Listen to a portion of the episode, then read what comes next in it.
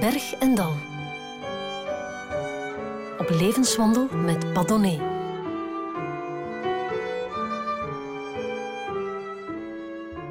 Berg en Dal, zo zei ik vorige week al, is een uur verscholen tussen hoop en wanhoop en toch weer hoop. Een gesprek waarin we proberen voorbij de hersenschimmen van de dag te kijken. Deze Berg en Dal ga ik op levenswandel in Groningen met Jean-Pierre Ravi en staan we stil bij zijn beslissende momenten. Ravi is een wereldberoemde dichter in Nederland, flamboyant romanticus, een leven tussen vrouwen, drank en de dood, hemelhoog juichend, dodelijk bedroefd. Onbekend en dus onbemind in Vlaanderen, hoog tijd om daar verandering in te brengen. Dag Jean-Pierre Ravi. Waar zit u op dit ogenblik? Op een berg of in een dal? Uh, iets tussenin, zou ik zeggen. Een, een, een gematigde, uh, vrolijke melancholie. Halverwege de berg? Ja, dat is natuurlijk de, de beste toestand. Ik, ben ook niet, ik zit hier ook niet als uh, manisch-depressief patiënt, maar meer als dichter. Ja, u noemt dat comfortabel omdat u waarschijnlijk tegelijkertijd naar boven kunt kijken en toch ook een beetje naar beneden. Het is verstandig om uh, de realiteit beide vlakken niet uit het oog te verliezen. Ja. We gaan stilstaan bij een drietal beslissende momenten in uw leven. En ja, de kinderjaren horen daarbij. Um, heeft u een gelukkige kindtijd gehad? Nou, laat ik... Ik kan niet zeggen dat ik ongelukkig was, maar laat ik zeggen dat ik het niet prettig vond om kind te zijn. Uh, het stoorde mij in hoge mate dat je uh, niet, de, niet over je eigen lot kunt beschikken als kind. Uh, het was ook een van de eerste dingen die ik van, van mijn volwassen leven uh, onmiddellijk tot een vaste regel heb gemaakt: dat niemand mij meer iets vertelt waar ik geen zin in heb. En bijvoorbeeld ook niet. Hoewel het af en toe wel fijn zou zijn als nu eens iemand zou zeggen: Kom, Jean-Pierre, nog één verhaaltje en dan naar bed. Maar dan laat ik in het midden wat voor verhaaltjes hier bedoeld worden. Maar wat ik mij ook vooral herinner was de periode toen ik nog niet kon lezen. Ik kom uit een milieu waar uh, iedereen altijd met de neus in de boeken zat. En uh, ik herinner me dat ik mijn de eerste vier, vijf, misschien ja, vijf jaar van mijn leven me een ongeluk verveeld heb. Dus uh, het, het, mijn volwassenwording begon met het leren van het alfabet. Saaie kindertijd lijkt me dat. Ja, nou goed, ik, ik ben niet, niet, nooit, nooit zo geïnteresseerd geweest in, in allerlei sporten en spelletjes. Dus bovendien, bovendien groeide ik op in een, in een dorpje waar het nog volledig midden 19e eeuw was. Uh, wat, als je dat overleeft, dan, dan is dat wel gunstig. Maar het, het, is, het, is, het is toch een tamelijke beproeving. zoals de bekende filosoof Nietzsche opmerkt... was mich niet umbringt, mag mich sterker. Ja, 19e eeuw. U lijkt wel een ontvroren 19e eeuw. Hè? Zoals u erbij liep, maar ook nog een beetje. Nou ja, ik hecht aan een zekere vormelijkheid in, eh, in gedrag en, en, en uh, uitdossing. Maar dat moet ook niet overdreven worden. Kijk, uh, je hebt als je als, als opeens ontdekt dat je eigenlijk een dichter bent, maar nog niet de gedichten geschreven hebt die daarbij horen, heb je de neiging om uh, deze artisticiteit op andere wijze te afficheren. Dus ik deed vroeger wat exuberanter, grote hoeden en wapperende capes, maar dat is al, al jaren niet meer nodig. Het vestimentaire liep eigenlijk het artistieke voorop. Uh, dat is vaak het geval. Maar op duur laat je die kroonbladeren vallen en komt het op de ernst van de zaak aan. Ja, maar zoals, zoals, u erbij loopt, of liep tenminste, ik heb daar foto's van gezien. Uh, een beetje de Oscar Wilde van Groningen met een zwarte cape. Met een, weet je ook, een monocle geloof ik? Heeft u wel met vensterglas in die tijd. Met... ja, je moet, je moet af en toe iets benadrukken. Maar tegenwoordig heb ik helaas een leesbril nodig. Dus nu maak je daar geen grapjes meer mee. Nee. Om die jeugd een beetje ja, te verduidelijken, heeft u het gedicht Sterfbed gekozen? Nou, dat was meer omdat u vroeg om, om beslissende momenten in mijn leven uh, van tevoren. En dat is altijd moeilijk om die aan te wijzen. Maar dit gedicht, uh, ja, dat spreekt voor zichzelf eigenlijk. We luisteren naar Jean-Pierre Ravi. Een eigenlijk wereldberoemd gedicht, ook bij ons hoor. Komen we er zo dadelijk op terug. Sterfbed. Mijn vader sterft. Als ik zijn hand vasthoud, voel ik de botten door zijn huid heen steken. Ik zoek naar woorden, maar hij kan niet spreken en is bij elke ademtocht benauwd. Dus schud ik kussens en verschik de deken waar hij met krachteloze hand in klauwt. Ik blijf zijn kind, al word ik eeuwen oud, en blijf als kind voor eeuwig in gebreken. Wij volgen één voor één hetzelfde pad en worden met dezelfde maat gemeten. Ik zie mezelf nu bij zijn bed gezeten, zoals hij bij zijn eigen vader zat. Straks is hij weg en heeft hij nooit geweten hoe machteloos ik hem heb lief gehad. Is een heel bekend gedicht omdat het uh, vaak te pas, maar ook te onpas uh, opduikt in rouwadvertenties. Ja, nou ja, het wordt, ik hoor vaak van mensen dat ze het uh, gehoord hebben of zelf voorgelezen bij de uitvaart van hun, eigen vader. En dan kun je het eigenlijk nauwelijks te onpas noemen. Want het eigenaardige is natuurlijk dat je een gedicht nooit met zo'n bedoeling schrijft. maar dat het als je het, ik heb het idee dat als je het, diepst in jezelf afdaalt, dat je dan op een gegeven moment een, een universele laag raakt. waardoor dus kennelijk een heleboel mensen zich herkennen in dat gedicht. En dat is, brengt mij misschien op iets wat ik toch misschien even mag toelichten. Uh, het is een groot misverstand, vooral bij mensen die poëzie schrijven op, een, op een wat vrije tijdsniveau. Dat ze denken dat het gaat om de eigen emotie die natuurlijk wel ten grondslag ligt aan een gedicht. Maar de bedoeling van enig kunstwerk, dat gaat niet alleen voor poëzie, maar is natuurlijk dat het een emotie teweeg brengt bij de lezer, toehoorder, kijker, zeg maar wat. Um, maar het merkwaardige is, als ik u mag even onderbreken. ik heb het natuurlijk, enfin niet natuurlijk, ik zal het toegeven, ik heb het zelf uh, gebruikt uh, bij de dood van mijn vader. Ja. En ik kom uit een, uh, in tegenstelling tot u, een a-literaire familie. Dus een boek was werkelijk een schande in huis. Mm -hmm. En mijn zus en broer uh, waren werkelijk uh, verstomd toen ze dat hoorden en lazen. Nee, ik moet eerlijk zijn, mijn schoonbroer, mijn zwager, die nooit een boek leest, die begon uh, zachtjes te huilen. Ja, dat is natuurlijk, om Gerard Reven te spreken, het hoogste wat je bereiken kunt als auteur. Maar het gaat natuurlijk om, dat, dat was, was er even om, om, dat, om er even op door te gaan. het gaat er natuurlijk als je poëzie leest in het algemeen niet om de. Als je een gedicht leest, dan kan het je natuurlijk niks schelen wat de man die dat geschreven heeft, dat het voor iemand was, als het goed is. Ik, bedoel, ik ben een liefhebber van, van eh, de, de poëzie van Petrarca. En het weinige wat van, over Petrarca als mens bekend is, is eigenlijk helemaal niet zo, zo positief. Dat is een, een tamelijk uh, afgunstige, moeilijke man. Maar dat speelt helemaal geen rol. Het gaat erom dat het gedicht iets te zeggen heeft wat je, wat je eigen levenssituatie uh, raakt. En, en dat is dus ook wat je, waar je naar streeft als je poëzie schrijft. U schrijft gedichten, uh, zegt Komrij, met een terminale citeerbaarheid. Ja, ik hoop dat hij dat als een compliment bedoelt. Wat denk je zelf? je weet het bij hem nooit. Ik ken hem ook persoonlijk. Dus het is, uh, ik heb de indruk dat hij niet, niet on, onwelwillend tegenover mij staat. Maar het, is, het, het, het, het, risico is natuurlijk als een gedicht echt een gebruiksvoorwerp wordt. Wat natuurlijk toch een beetje het geval kan zijn dat, eh, dat de, eh, de ware broeders dan roepen dat het niet meer deugt. Uh, laar pour laar en dat soort dingen. Maar dat uh, mag ons niet verhinderen om moedig voorwaarts te gaan. Ik blijf zijn kind, al word ik eeuwen oud. Ik vind het vreemd dat hij daar het woord kind gebruikt en bijvoorbeeld niet zoon. Ja. Dat weet ik niet waarom dat woord. nee, maar kind, dat is echt kind. Hè? Ik bedoel, dat wil zeggen van. Uh, tuurlijk, ja. Whatever happens, ik blijf dat kind. Dat, dat is natuurlijk ook zo. He, zoals je, heel veel mensen hebben bijvoorbeeld ook dat ze, uh, als ze de leeftijd uh, overschrijden die hun vader gehaald heeft, dat dat een heel belangrijk moment is. Dat is bijna nog niet aan de orde. Maar uh, dat zijn toch, ja, dat zijn allemaal, allemaal momenten van volwassenheid, van volwassen worden. Maar de relatie met uw vader, als ik daar even op door mag gaan, is toch op zijn zachts gezegd curieus. Hè? U, heeft hem nooit getutoyeerd of durfde Nee, nee, dat is een uiterst, uiterst formele man was het. En dat, ja, dat beviel mij in zekere zin ook wel. Het is, kijk, in, tijdens de conflicten die in de puberteit natuurlijk tussen alle uh, ouders en kinderen optreden, is het, uh, als je elkaar niet tutoyeert, uh, niet zo makkelijk om, om, om tot een bepaald vulgair taal, taalniveau af te dalen. Hè? u bent een klootzak, dat zeg je in Nederland niet zo snel. Dat is, hè, dus dan, dan vermijd je misschien ook wel het woord, wat ook, ook altijd onterecht geweest zou zijn. Want mijn vader was een uh, uh, alleraardigste, een, een, beminnelijke man.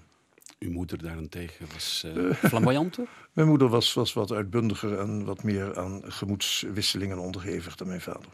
Maar het waren beide mensen waar, waar je niet, niet, niet een stad voor, voor hoefde te verwoesten. U kon ermee weg. Ja, goed, het is nette mensen. Dat uh, geeft je ook een paar uh, dingen voor de rest van je leven mee. Mijn vader was, uh, dat is misschien, misschien, misschien wat uitzonderlijk voor uw gehoor, maar was dus een, een, een, een man van het woord, een, een doopsgezind dominee. En dus dat is een geloof waar je uh, heel weinig van merkt eigenlijk, die doopsgezinden. Dat is een soort protestanten die in tegenstelling tot hun begintijd, toen ze vaak naakt over straat renden, maar tegenwoordig dus een heel uh, uh, ingetogen en humaan soort christendom. Die toch vooral ook de vrede propageren, hè, de doopgezinden. Dat was ook weer een curieuze paradox. Mijn vader was in, in, een groot deel van zijn leven legerpredikant, wat bij die doopsgezinden natuurlijk helemaal niet goed viel. En hoe die dat zelf combineerde, dat kan ik hem niet meer allemaal precies vragen. Maar... Kun je dichter worden, meneer Rawi? Uh, het is, zoals Horatius al zegt, een dichter wordt geboren en niet gemaakt. Maar er is natuurlijk wel uh, een, een, een, leerschool in, zoals in, in, alles. Je moet je... Ja, kijk, uh, er bestaat een, een bepaald soort dichters dat nooit poëzie van anderen leest, omdat ze bang zijn dat daardoor hun oorspronkelijkheid gebreideld wordt. dat moet je natuurlijk niet hebben.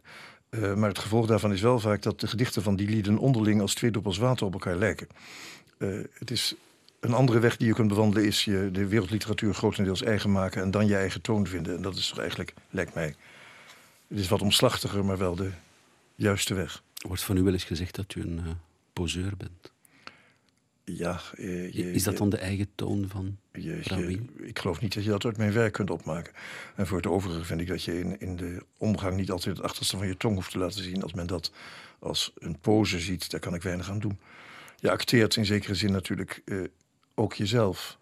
als ik een, voor een zaal een voordracht houd, dan, dan ben ik misschien helemaal niet op dat moment in de stemming om die gedichten voor te lezen en daar toelichtingen bij te geven. Dus op dat moment moet ik een zekere uh, toneelspelerseigenschap uh, uh, aan de dag leggen. Maar dat is denk ik voor iedereen die, die iets doet. Is dat niet uh, in deze tijden heel verwarrend dat mensen discretie bijvoorbeeld verwarren met uh, geheimdoenerij? ja, maar goed, je kunt je natuurlijk, je selecteert je, je eigen, eigen leefomgeving en vriendenkring en op een gegeven moment speelt het niet meer zo'n rol. Bent u op een leeftijd gekomen dat u zegt van, goh, het zal mijn zorg zijn? Nou, dat is natuurlijk ook een punt. Ik, ik trek me niet, niet meer zoveel aan van het oordeel van anderen als, laten we zeggen, 20 of 30 jaar geleden. Dat zou ook niet best zijn. U stemde het een beetje denken aan, uh, aan een cello. ja? Of is het gewoon een vreemd radiobruggetje? Ik, uh, het zou best een bruggetje kunnen zijn. ik ben reuze benieuwd waar u nu mee komt. nee, ik, ik, ik hoor daar de melancholie in, meneer Rauwien. In die stem. Het is een prachtig instrument. Um, u wil toch eerst uh, Dvorak laten horen. Zo is het, hè? Het is goed.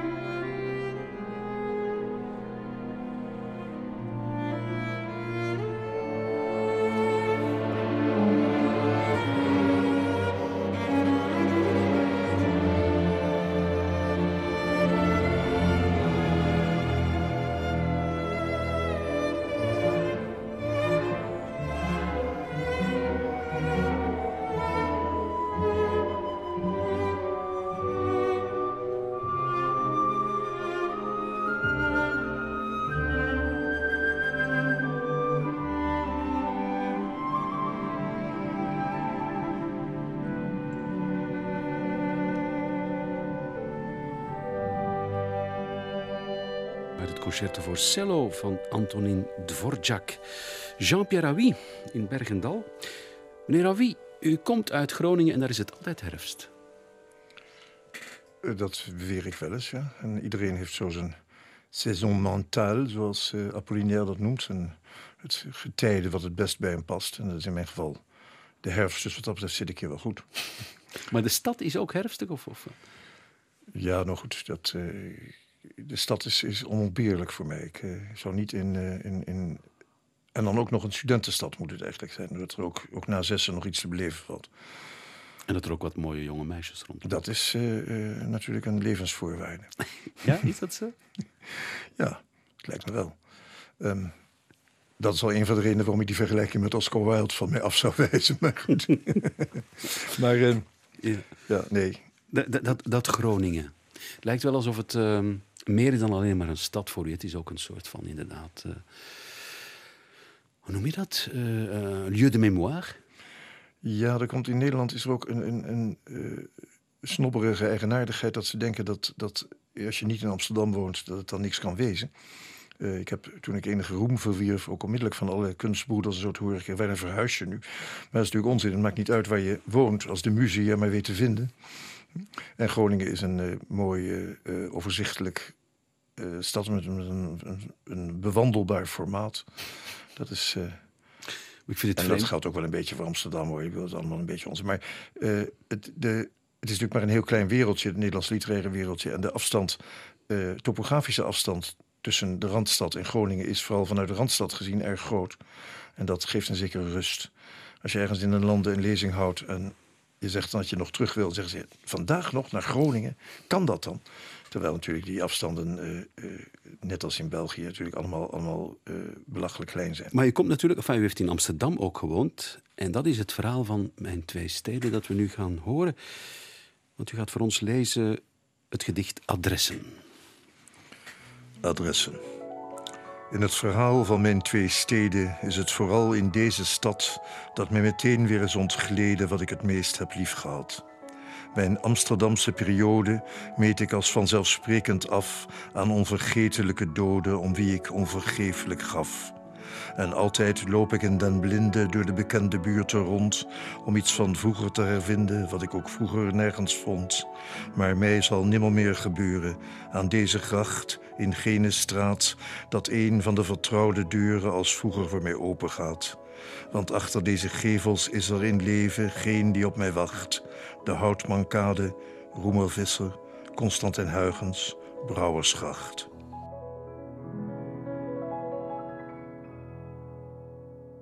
De Houtmankade, Roemer Visser. eh, ja, Visser, Huygens, dat zijn dus eh, literatoren, zal ik maar zeggen. Nou, het, is, het, het zijn ook hè? adressen, het zijn ook adressen waar ik inderdaad iets mee te maken had gehad in, in mijn eh, roerige verleden. Maar eh, het is niet helemaal toevallig natuurlijk dat ze hier verwezen wordt naar een periode. Tenminste, dat denk ik achteraf voor als je schrijft, denk je daar niet aan. Maar later kun je natuurlijk, zoals ik het ook van andere eh, gedichten van andere mensen kan doen, kun je er wel iets in duiden. En in dat verband is bijvoorbeeld een regel als, maar mij zal nimmer meer gebeuren, eh, die verwijst, en dat is wel zeer bewust, naar een beroemd gedicht van Hoofd zal nimmer meer gebeuren mij dan naar deze stond de glimlach van uw ogen, de zoetheid van uw mond, et cetera. Dat is een klaaglied over een gestorven geliefde. Eh, ik mag u zeggen dat geen één criticus dat tot dusver heeft opgemerkt, maar het is toch fijn dat ik het nu een keer kan vertellen. Lucht op, hè? Dat lucht ja, op. ja, moest Maar- een keer gezegd worden. Ja. Maar wat zal er dan niet meer, meer gebeuren? Wel, het, het, het- dit gedicht gaat, zoals gezegd, over. eh, als je, ik ga het niet verder duiden, maar er wordt gesproken over, over gestorven geliefde natuurlijk. Ja. En vandaar dat al deze adressen eh, nu als, eigenlijk niet meer bestaan als adres. Het huis nog wel, maar het adres niet meer eigenlijk. Van Vliet schrijft over die stad, over zijn stad dan Antwerpen. Plekken die je mij ontnam. Dat is het een beetje, dat doet me heel erg aan denken. Ik denk dat het eh, gedicht van Van Vliet eh, jonger is hoor. Ik bedoel dat hij het Zou van jou heeft. Want ik zag je al bedenkelijk kijken. Ik heb hem gekend, maar eh, dat we ook anders werk zo goed kenden, zal wel niet het geval zijn. Maar, De dood. Dat is een van jouw. eh, of u moet ik. z- Wat, wat... ik weet niet precies wat, wat, wat eh, in, in Nederland zegt, zegt men u als men formeel is en jij als men niet. Ik weet niet hoe dat. Ik heb me altijd afgevraagd hoe dat in Vlaanderen precies werkt. Want voor mij ligt het iets anders daar. Ja, dat is zo. Ja. Maar op Clara hier, een chic station, zullen we toch maar bij u houden. Ik vind het prima. Ja? Uh, maar De- misschien de kunnen we dat bij gelegenheid eens uitleggen hoe dat precies is. Want ik, ik tast altijd in duister. Oké, dan doen we dat op café met jou erbij. Ehm, ja, die dood, wat is dat toch? Nou ja, dat is een. eh, het is niet eens het, het, het, het hoofdthema hoor. Het, het, het, waar, het, om gaat in poëzie. En eigenlijk iedere kunst is het verglijden van de tijd. En ik zie de dood, evenals de liefde en andere narigheid, zoals ik het wel eens formuleer. ehm, eh, als een symptoom daarvan. Maar het is natuurlijk onontkoombaar. Eh, ik krijg wel het verwijt van mensen, als ik ergens een voordracht houd of zo, tussendoor maak ik wel luchtige terzijdes. En dan zeg ik, ja, wat, wat echt nou, die poëzie vind ik zo somber. Dan moet ik eens uitleggen dat die poëzie niet somber, maar ernstig is.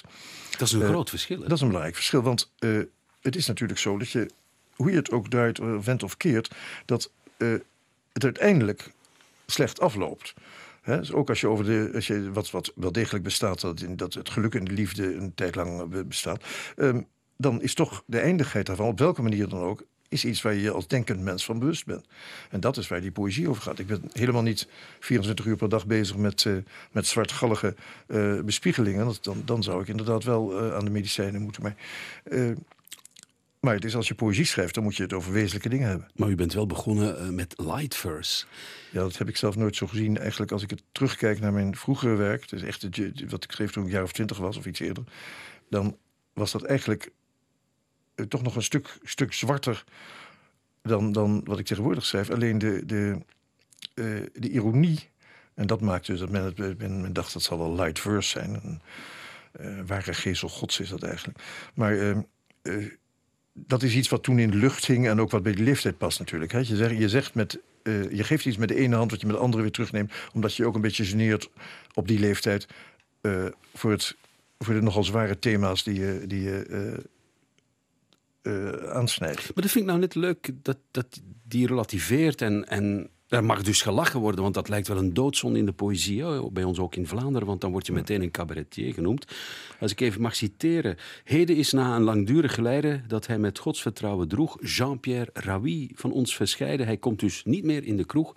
Dat vind ik gewoon leuk, daar moet je niet beschaamd om zijn, meneer Raoui. Ja, maar goed, maar dat, dat, dat was toen ook wel aardig. En dat zou ik nu niet meer zo doen. Dat, omdat ik ook vind namelijk, maar dat is een kwestie van, van groei ook, dat de vorm van de poëzie, en u weet dat ik een tamelijk strakke vorm hanteer, dat zal de luisteraar niet ontgaan zijn, ehm, de vorm van de poëzie al voldoende afstand schept eh, tot het, het onderwerp, zodat je... eh, het, het, het, is, het is geen, geen gemo- gemoedsuitstorting, het is, een, het is een kunstwerk. Zou het er ook mee te maken kunnen hebben dat u gewoon op een bepaald moment een zware operatie heeft moeten ondergaan aan de alvleesklier, dat u tussen leven en dood heeft gehangen en dat u dan heeft gezegd en nu is het gedaan met lachen?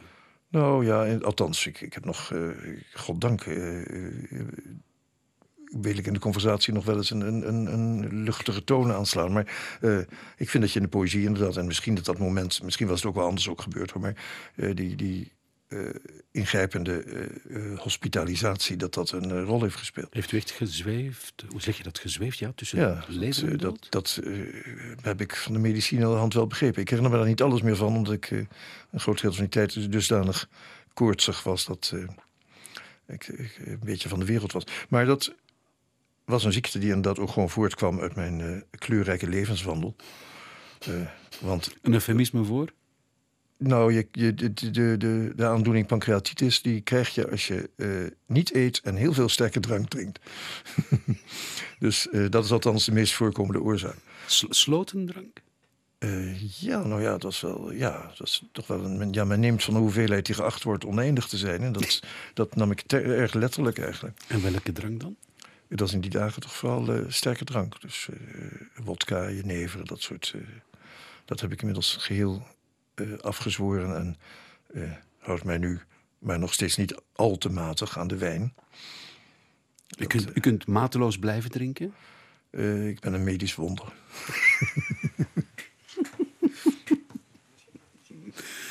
Ja, heeft u zin in? We hebben... Enfin, ik, ik kan voor u een...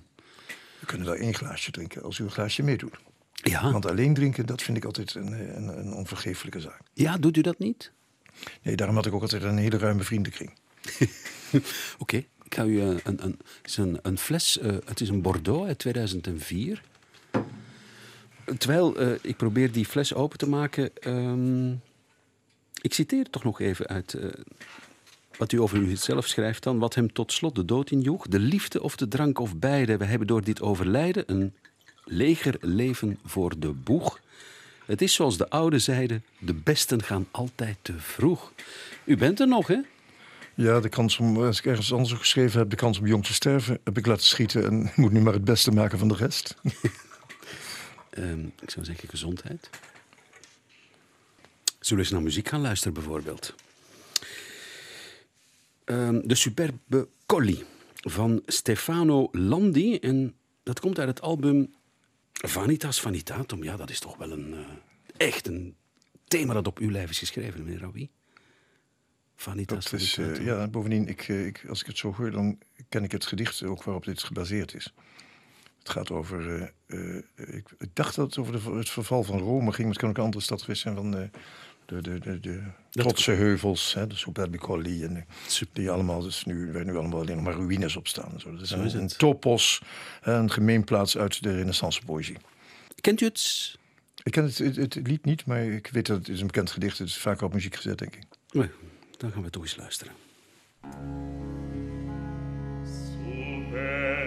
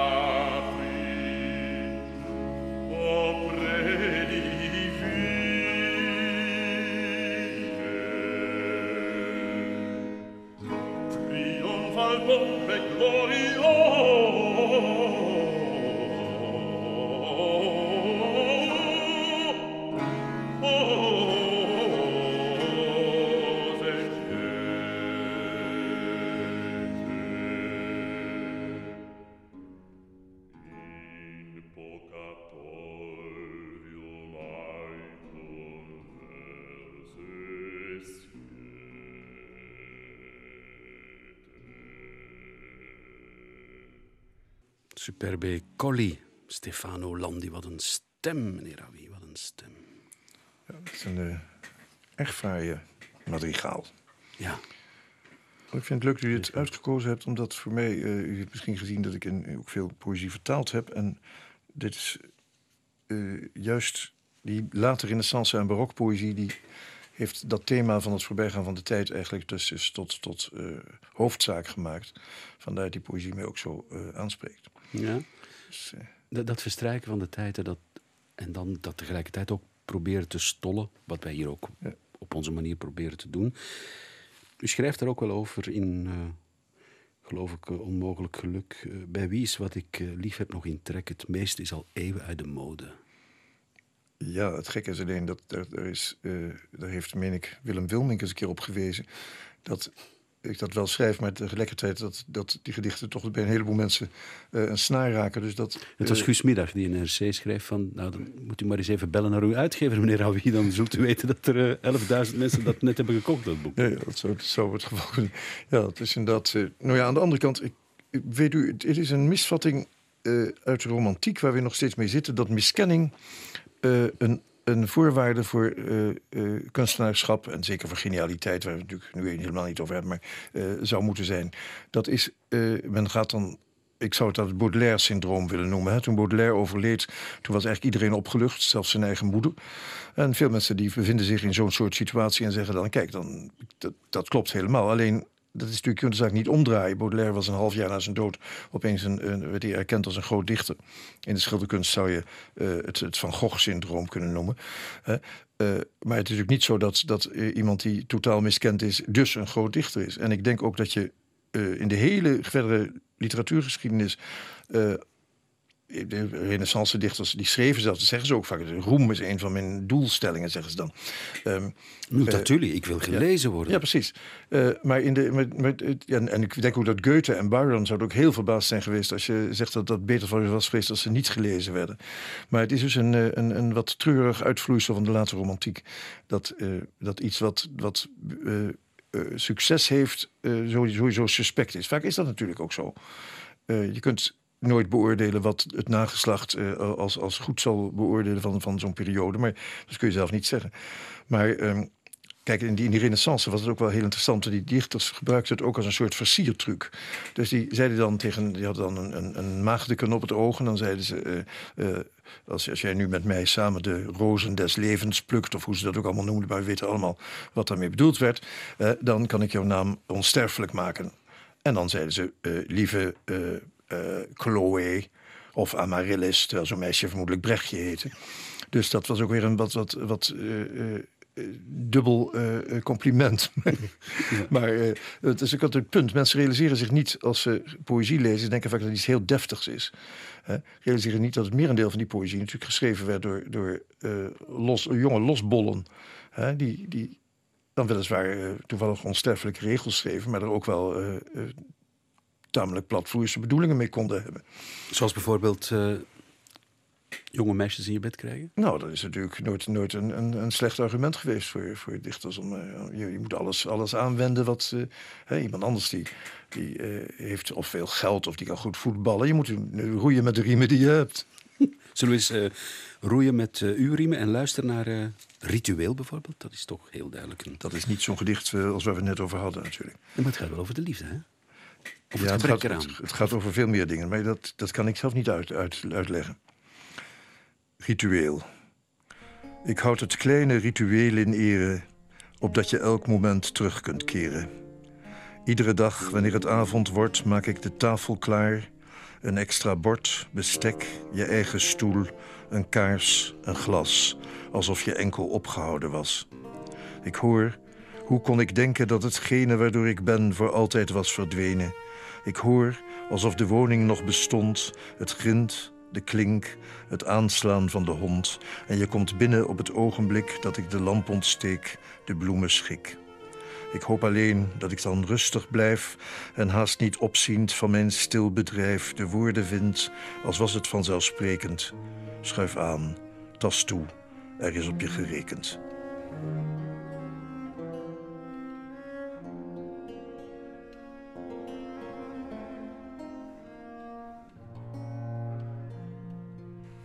Je wacht, u wacht, de dichter wacht, maar ze komt niet. Ja, het is, dat kan je niet zeggen van dit gedicht.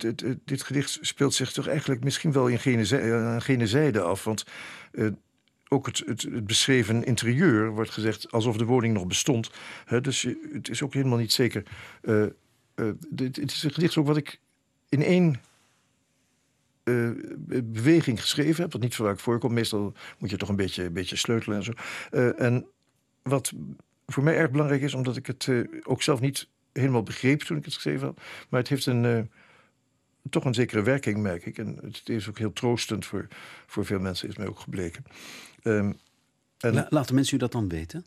Nou ja, god, ik, ik, ik, het is vooral natuurlijk op poëzieavonden en zo. Dan, eh, dat, kijk, poëzie schrijven op zich is een eh, tamelijk eenzame bezigheid. En toen ik een zekere roem in Nederland verwierf, toen kreeg ik wel heel veel post. Maar dat waren voornamelijk mensen die zelf ook weer gedichten maakten. En eh, daar oordeel over wilden. Dus dat was niet, geen onverdeeld genoegen. Ehm, maar op die avonden, dan hoor je wel van mensen dat ze er iets, iets, iets bepaalds uit eh, hebben opgepikt. Wat lang niet altijd hetzelfde is wat ik misschien bedoeld heb. Als u nu kiest of moet kiezen tussen eh, de liefde en de vriendschap, meneer Raoui, wat kiest u dan? Nou, die, die dingen zijn gelukkig niet. eh, je wordt niet gedwongen tot een keuze daarin. Dat is prettig. Maar de, het zijn, zijn beide natuurlijk. Je hebt ook natuurlijk liefdesverhoudingen die een vriendschappelijke kant hebben. Maar, eh, maar, maar de ik- gewone, u bedoelt gewone, gewone vriendschap. ja, dat is een, van een geheel andere orde.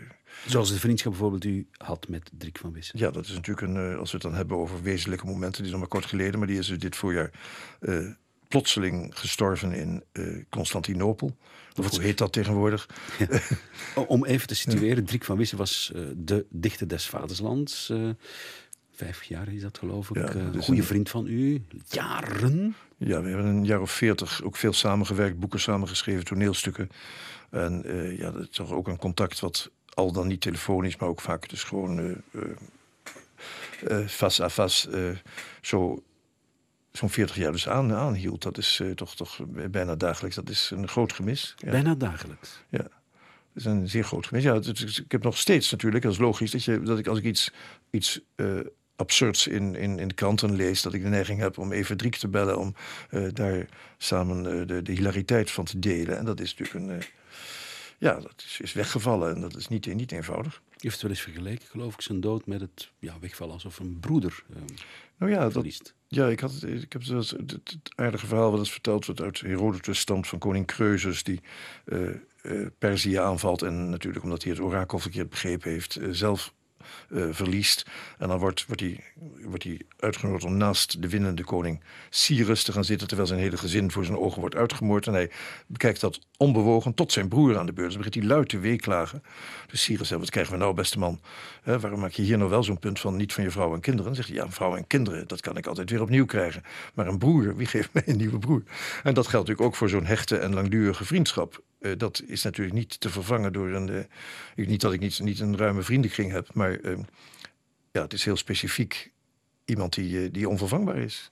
Dat geldt natuurlijk voor ieder, ieder, ieder sterfgeval, maar in dit geval hangen, zit er ook een, een literaire kant aan, omdat wij veel projecten samen ondernamen. Gaat u over hem schrijven?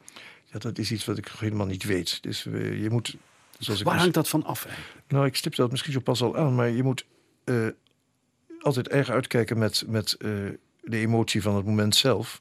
Dat kan wel een goed gedicht opleveren. Dat gedicht Sterfbed heb ik ook geschreven in de situatie die daar beschreven wordt. Maar eh, je moet er grote argwaan tegen koesteren. Dat je dus je eigen eh, gevoelens niet verward met wat er op papier staat. Want het, daar gaat het dus inderdaad helemaal niet om. Heeft u wel eens gedichten geschreven voor vrouwen, heel specifiek voor vrouwen, om ze te charmeren, om ze Oh, die, zijn er wel, maar het aardige is dat ik dan. Dat ik, ik heb eigenlijk altijd geprobeerd om in mijn poëzie eh, eh, de ane- anekdotiek zoveel mogelijk uit te bannen. Dus eh, er is bijvoorbeeld een gedicht dat begint met de regel, dat is een vroeg gedicht hoor. Toen je vanochtend tegen zessen terug moest naar je echtgenoot, is de beginregel. Eh, er zijn nogal wat eh, eh, vriendinnen in de loop der tijd die dachten dat dat op hun sloeg. en dat heb ik, ik ben natuurlijk, je moet nooit iets tegenspreken als mensen. Nee. Zo zijn er op het moment wel tien vrouwen die denken dat dat. Dat zou heel goed kunnen, ja. Dat, ik weet zelf natuurlijk wel wie het betrof, maar dat, maakt, dat is verder ook helemaal niet Nee, nee. belang. Maar, maar ik bedoel dan echt en dat u dan een gedicht schrijft en dat dan afgeeft aan hen en zegt van kijk, dit is voor jou. Nou, dat, dat heb ik misschien heel vroeger wel eens gedaan met, met wisselend resultaat. Want eh, de leukste meisjes zijn vaak daar niet zo gevoelig voor. Eh, het is Voor toch- poëzie? Nou, het is wel. eh, het zijn toch vaak, vaak dwaze maagden hoor. Die, eh, die, die, en ze die vaak zelf ook, ook zich bezondigen aan, aan, aan een versje op zijn tijd. Dat is niet, niet altijd even leuk. Het zijn ook niet altijd de beste partijen, hoor ik u zeggen. De beste partij, u praat nu alsof het, alsof het mij om, om, om de bruidschat gaat. Zover kom ik nooit. Een poëtische bruidschat. Nee, maar dat is natuurlijk niet, niet echt de functie van poëzie. Ik zei dat zo pas wel. Het, het zal ongetwijfeld ook wel eh, af en toe een rol spelen. maar is er de grote liefde in uw leven geweest of is die er?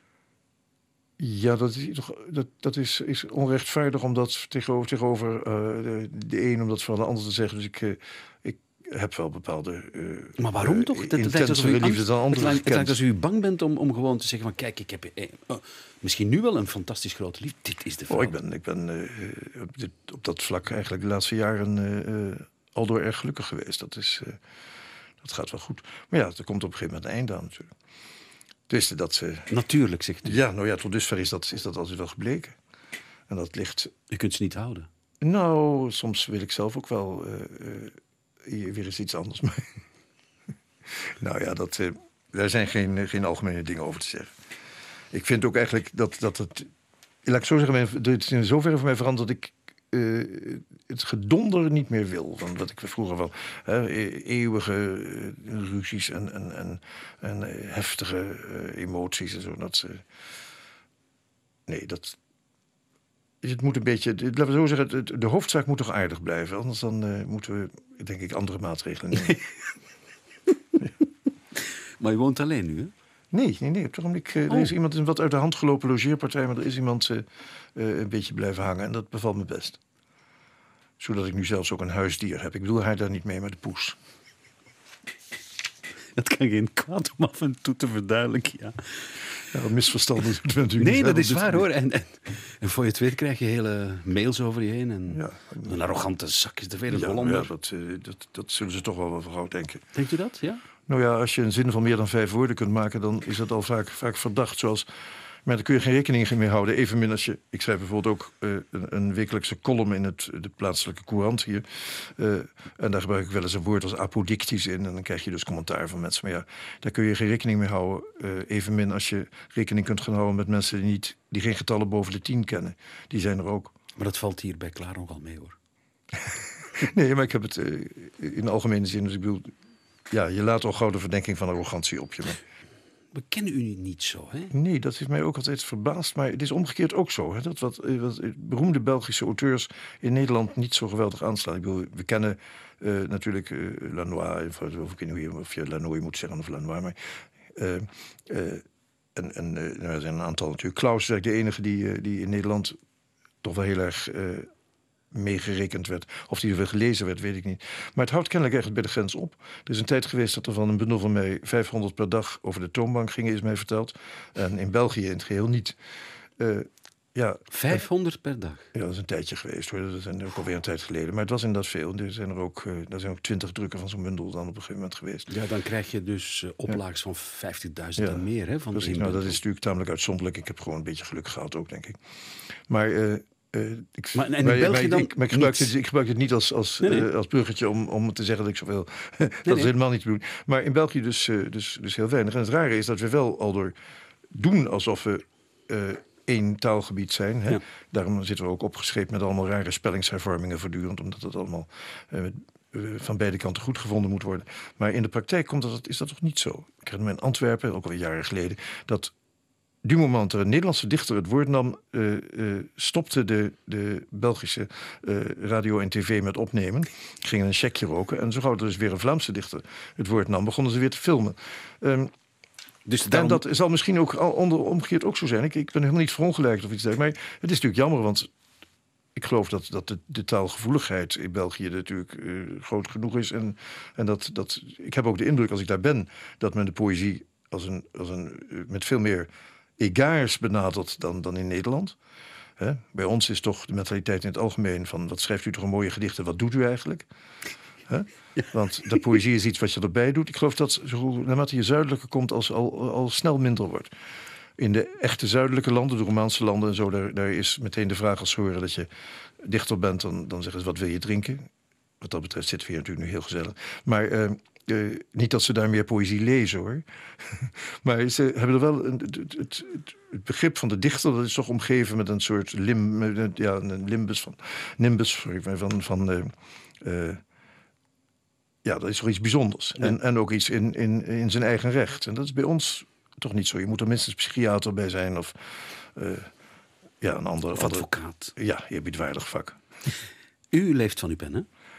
Ja, voor zo goed en zo kwaad als het gaat. Als je niet te al te hoge eisen stelt aan het bestaan. Ik wil, dan, eh, dan kan dat wel in mijn geval hoor. Maar ik raad niemand aan om, eh, eh, als ik ooit voor een school spreek of zo, dan probeer ik ze altijd duidelijk te maken dat je de poëzie niet, niet moet zien als een, als een vetpot.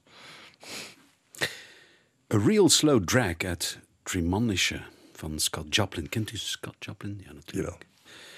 Mogen we dat draaien nu? Ik kan er weinig meer aan doen, vrees ik. Nu wel. Dan zegt u nee, helemaal niet. Punt. Niet. Nou, nee, nee, nee dat, dat- is maar, maar, maar even naar luisteren. Ik zou natuurlijk nu kunnen zeggen van... eh, hebben jullie geen strijkkwartet van Le Queue? maar goed. Nee, we hebben Marcus Roberts aan de piano.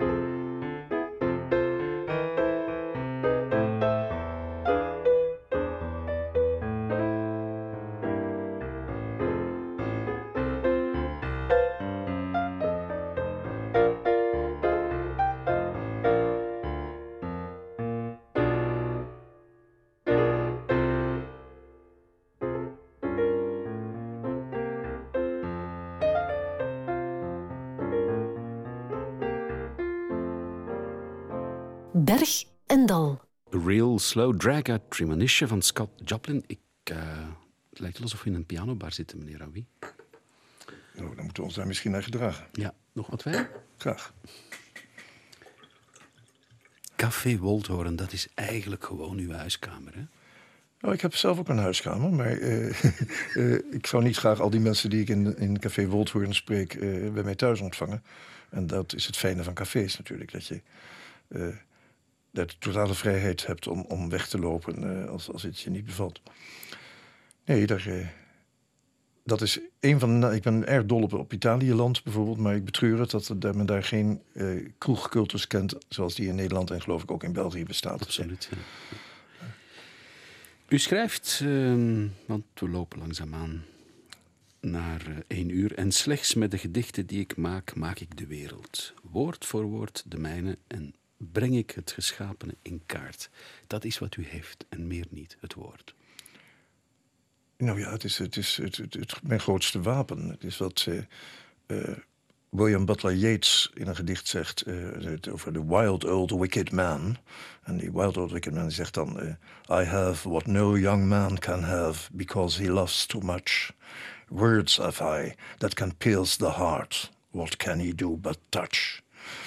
En dat is natuurlijk belangrijk. Words that can pierce the heart. Dat is natuurlijk, als je die, die gave enigszins hebt, dan is dat een, een, een, een zeker machtsmiddel. En ook een middel om macht te verwerven over de chaotische eh, zooi die het leven eigenlijk is.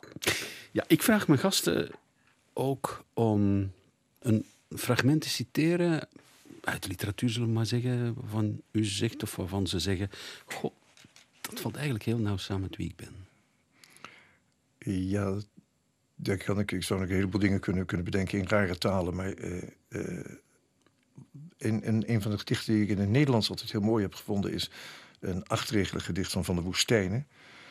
En ik citeer uit het hoofd, dus een enkele onnauwkeurigheid zou mogelijk kunnen zijn... voor iemand die dat nakijkt. Maar dat luidt als volgt.